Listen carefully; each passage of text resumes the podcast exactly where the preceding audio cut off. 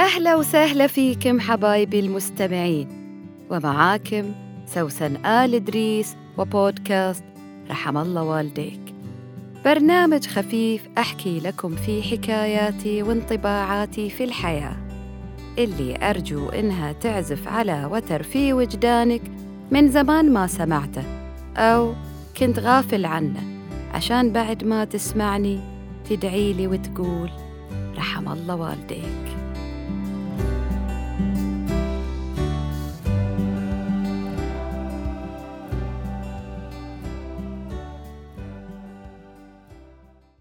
التغيير والتطوير والإضافات على الأشياء اللي نسويها تعطيها حياة ورونق مختلف. بدل ما شعرك دايما ملموم اسدليه بدل ما قهوتك دايما سادة جربها بالحليب والكراميل. وبدل ما برنامجك ماشي على نمط واحد غير النمط. وهكذا دواليك من الاقتراحات اللي تقترح عليك التغيير. وعدم الثبات سؤالي هنا هل لازم أغير؟ هل لازم يكون في شيء مختلف؟ وهل ده ينطبق على كل أمور حياتنا؟ وهل التغيير دايما بيكون أفضل؟ وهل الثبات على شيء معين يبعث دائما على الملل؟ يعني ما أدري ليش في ناس دايما زهقانة كل شوي يبغوا تغيير معتقدين إن التغيير بيسليهم وإنه هو ضالتهم. بينما هم بعد ما تغير ويستانسوا شوي بيملوا مرة ثانية وثالثة وعاشرة بعد. فتشوفه مغير بيته مغير أثاثه مغير أكله مغير قهوته مغير حتى جيرانه. كلمة حلو التغيير تصلح لما يكون الشي الثابت رتيب. ويضيق الخلق ما عاد يعطيك نفس الشعور.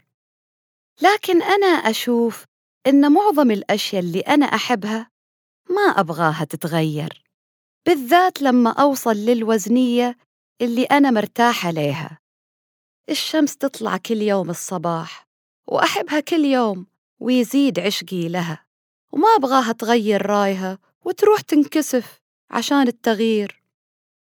أسلوب فلان مميز عند قراءة الدعاء أو النعي ومكيفني. ما أبغى يغير المزاج إلا يدخلني فيه بحجة التغيير. زوج يحب شكل زوجته اللي تعود عليه. تفاجأ بصرعة جديدة ويحس إنه مو مرتاح لشكلها الجديد. بس مضطر يجامل ويقول حلو التغيير. لكن لو كان صريح بيقول لها رجعي شكلك الأولي. أنا مو مرتاح. على طاري تغيير الشكل. أنا مو من النوع اللي يحب يسوي تغييرات قوية في شكله. فمرة وزّني الشيطان وسويت اللي يقولوا عليه microblading للحواجب. فصارت الحواجب أمتن شوي. صار شكلهم زين وعجب محبين التغيير. لكن ولدي كان بيهرب من البيت لأنه يبغى أمه اللي بتعود عليها. فالحمد لله رجع شكلي القديم بسرعة واستقر الولد. المهم أنا حبيت أقول إن مثل ما التغيير سنة كونية برضو ثبات التغيير سنة كونية أخرى موجودة تحسسك بالاستقرار والطمأنينة. وإحنا لما نكون في وضع جميل نقول الله لا يغير علينا. طيب أنا ويش اللي خلاني أفتح الموضوع ده؟ هالمرة أنا فاتحتنا عشان أستشيركم؟ أبغى العلم من عدكم بقول رأيي وأرجو إنكم تعطوني رأيكم. بعض مستمعين رحم الله والديك يطالبوا بشوية تغييرات عشان نجاح البرنامج. بأني أستضيف شخصيات في البودكاست أو إني أشارك بودكاستر ثاني في عمل الحلقة. تقبلت كلامهم وفكرت في الموضوع. لكن بعدين قلت لنفسي ليش لازم يكون في تغيير؟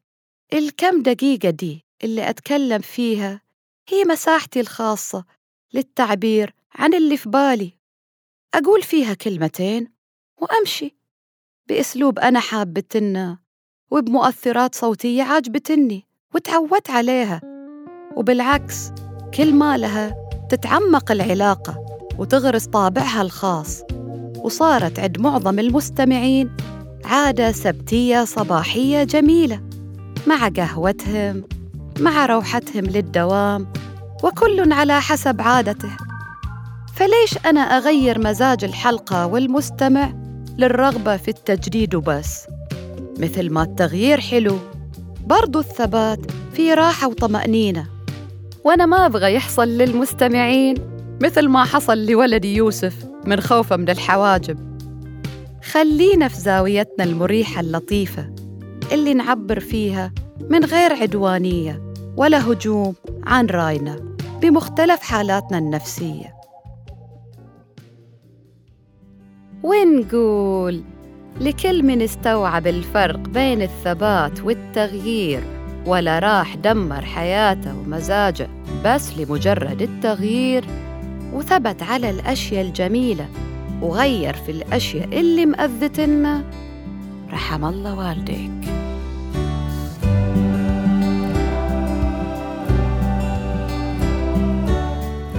كنت معاك أنا سوسن آل إدريس. لا تنسى تشارك الحلقة مع اللي حواليك وتتابعني على حساباتي في ال social media واللي حطيتها لك في وصف الحلقة. الحين أقدر أقول لك أتمنى لك يوم جميل ورحم الله والديك.